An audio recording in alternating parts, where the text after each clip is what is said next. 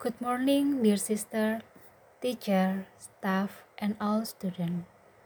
Let us have a moment of silence to pray and to listen to the Holy Bible. In the name of the Father, and of the Son, and of the Holy Spirit. Amen. Dear God, thank you for your blessing and your protection from the night till this morning.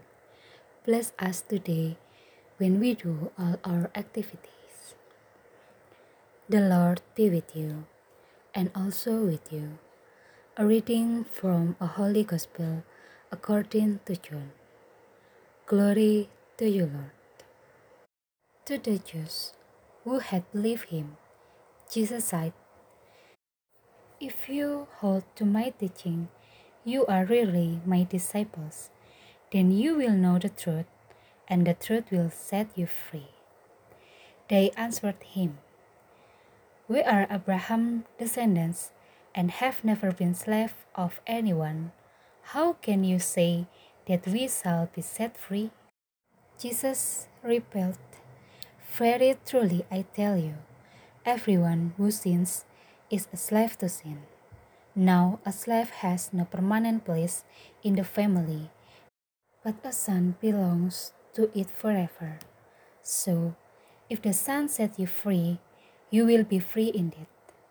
I know that you are Abraham's descendants, yet you are looking for a way to kill me, because you have no room for my word. I am telling you what I have seen in the Father's presence, and you are doing what you have heard from your father. Abraham is your father, they answered.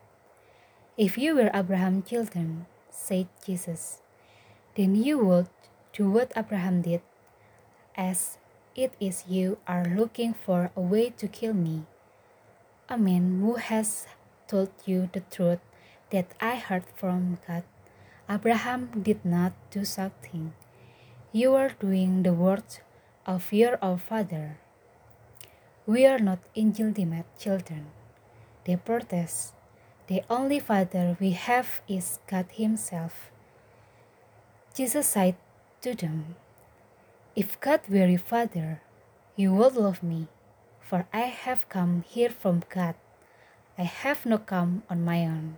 God sent me. The Gospel of the Lord. Praise to you, Lord Jesus Christ. Kedatangan Yesus ke dunia adalah untuk membawa kebenaran dan kemerdekaan. Untuk itu, kita sebagai orang-orang yang percaya kepada Yesus, hendaknya kita juga membawa kebenaran. Let us pray. Lord Jesus, be present and accompany me always, so that I am free the power of sin.